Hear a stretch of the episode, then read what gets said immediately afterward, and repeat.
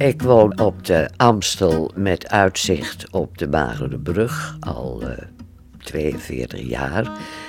Op de derde etage. En de krant lees ik altijd op een stoel, uitkijkend op de brug. En dan zie je op die bank die hier aan de Amstel staat, s'avonds mensen zitten. En dan denk ik, oh god, ik hoop dat ze over een uurtje weg zijn. Zouden dat daklozen zijn. Nou, een uurtje zitten ze er nog. En dan denk je, oh mijn god, moeten ze nu de hele nacht hier zitten? Wat, wat, wat kan ik voor hun doen? Moet ik ze in huis halen en een kopje koffie? Maar ja, je weet ook niet hoe dat afloopt. Dus dat is heel laf, dat durf ik niet.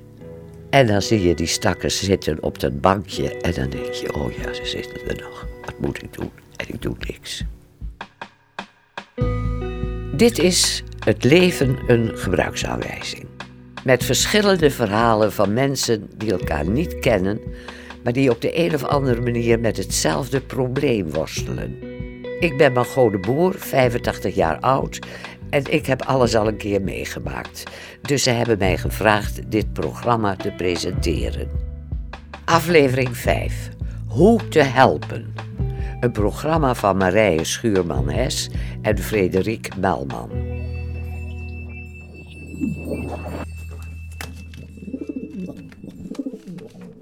Vliegende ratten, die term, dat vind ik al getuigen van geen enkel respect gewoon. En toen zei ik altijd van, ja, maar ik ga niet met boeven werken. Dat leek me doodeng die takken er een beetje tussen proppen, dat die ringslanger goed in die kern kan komen. Als je te dichtbij komt, dan kan hij je vastgrijpen of weet ik veel. Honden, katten, dat zijn allemaal dieren die je lekker kan aaien. Konijntjes. Ja. Maar als je voor een ringslang opneemt, of een vleermuis, ja, dat zijn vieze beesten. Ik wist niet eens hoe ik die mensen moest begroeten. Maar wij zitten ook op het toilet, alleen die duif heeft geen toilet. Het, het zijn gewoon mensen zoals jij en ik. Uh, maar ze hebben een fout begaan. Ja, we gaan nou de jungle in. we zijn in een weiland bij Wisp. In gezelschap van Kees en Bianca. Autodidacte natuurbeschermers. Ze hebben een groot hart voor gevederde en glibberige wezens en die helpen ze waar ze maar kunnen. Vooral als er een bouwproject dreigt of een festival met harde muziek. Maar om dieren te kunnen helpen, moet je wel kunnen bewijzen dat ze er zitten. Ja? Kom. Ja, ja. Heb je hem? Ja, ik heb hem. Oké. We hebben er een. Hij schat. Hey. Ja, dat is er eentje. Ja, mooi hè. Kijk, nou, die ziet op het land. Zie je het? Een typische eikikker. Ja, ik heb hem, schat. Ik heb hem. Een spitse, spitse neus. De buik is wit. En je hebt van die mooie gouden lijntjes heeft hij, zie je? Niet alleen in veld en bos kom je Kees en Bianca tegen. Ook wel eens onderweg naar een rechtbank als ze een zaak hebben aangespannen om dieren te beschermen. Dan lopen ze bijvoorbeeld op een station in een grote stad en op het perron speuren hun ogen dan altijd naar gewonde duiven. Hoi, hallo. Kom maar. Dan zie je gewoon, hè, dat dier dat hinkt op één poot rond. Of uh, ernstige verwonding aan de poot, want dat draad. Je moet je voorstellen, dat, dat is natuurlijk niet van één dag. Hè. Dat is vaak dat het er maanden omheen zit. En die poten zwellen op en dan uh, komen abscessen op de poten. En ja, de beest heeft er echt pijn aan. Ja, en dan probeer je het dier te vangen. Dus dan zit je op je knieën tussen honderden reizigers die duif te lokken. Want we hebben altijd wat graan bij ons. En een setje met een nagelschaartje en een pincetje. En... Ik heb aan deze kant voer gelegd. niks doen. Hey. Hey lievertje. Hallo. Dan zie je vaak dat het duifje wat wat heeft, net niet binnen handbereik komt, zeg maar, dat je hem kan pakken. Nou, eh, ik ben bezig een half uur en, en op een gegeven moment ja, lopen er ook mensen langs, die, die lopen er gewoon dwars doorheen, dus dan vliegen ze op. Ja, en dan vliegt hij soms gewoon weg. En dan, ja, dan, dan, dan denk je echt, fuck Dory, snap je, dat beest is weggevlogen. Je hebt ook vaak dat je jezelf de schuld gaat geven. Hey, ik heb hem niet snel genoeg gepakt. Ja, dat verwijt je dan jezelf. Dat stadium krijg je dan ook. Van, oh, het ligt aan mij, anders had ik hem nu hier gehad. Want ik, ik weet gewoon van duiven ja, die ik vijf jaar geleden bijvoorbeeld niet kon vangen. Ja. Maar ja, ik, ik pak maar zes jongens, hè. Ik pak maar zes jongens op een groep van 360. Ehm, maar er zijn jongens die ik verwacht gewoon, dat, dat komt niet meer goed. Dit is Ans. Zij is bibliothecaris.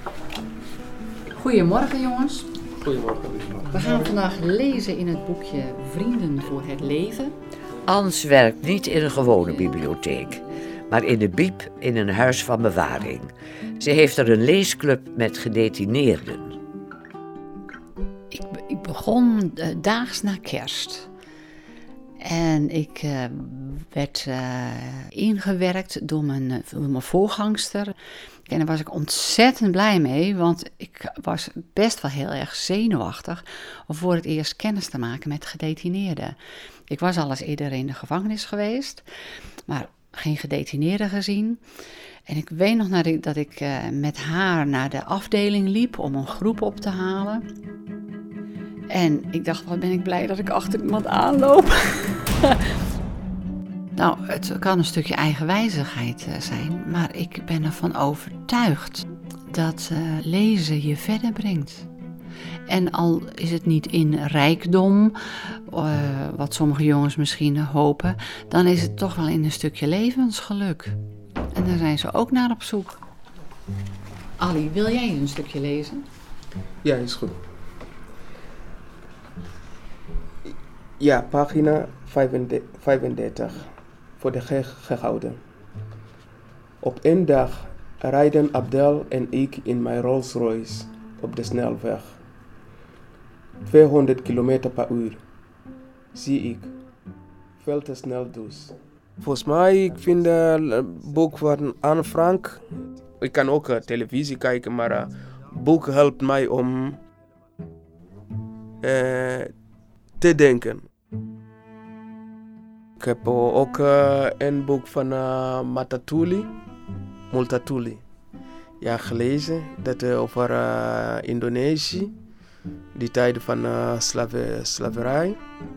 Ja, ik vind deze boek echt belangrijk. Dingen waar ik van wakker lig. Bijvoorbeeld een opmerking van een collega die zegt van... Ja, ga jij maar weer eens die mensen goed Nederlands leren... want dan kunnen ze in ieder geval in goed Nederlands de oude vrouwtjes gaan beroven. En dan denk ik, oh, moet ik dan mijn collega van overtuigen dat lezen helemaal niet aanzet tot oude vrouwtjes beroven? Of is het gewoon wel zo dat ik inderdaad uh, mensen beter Nederlands leer, maar ze daar geen goede dingen mee doen? Maar goed, daar kan ik me wel zorgen over maken.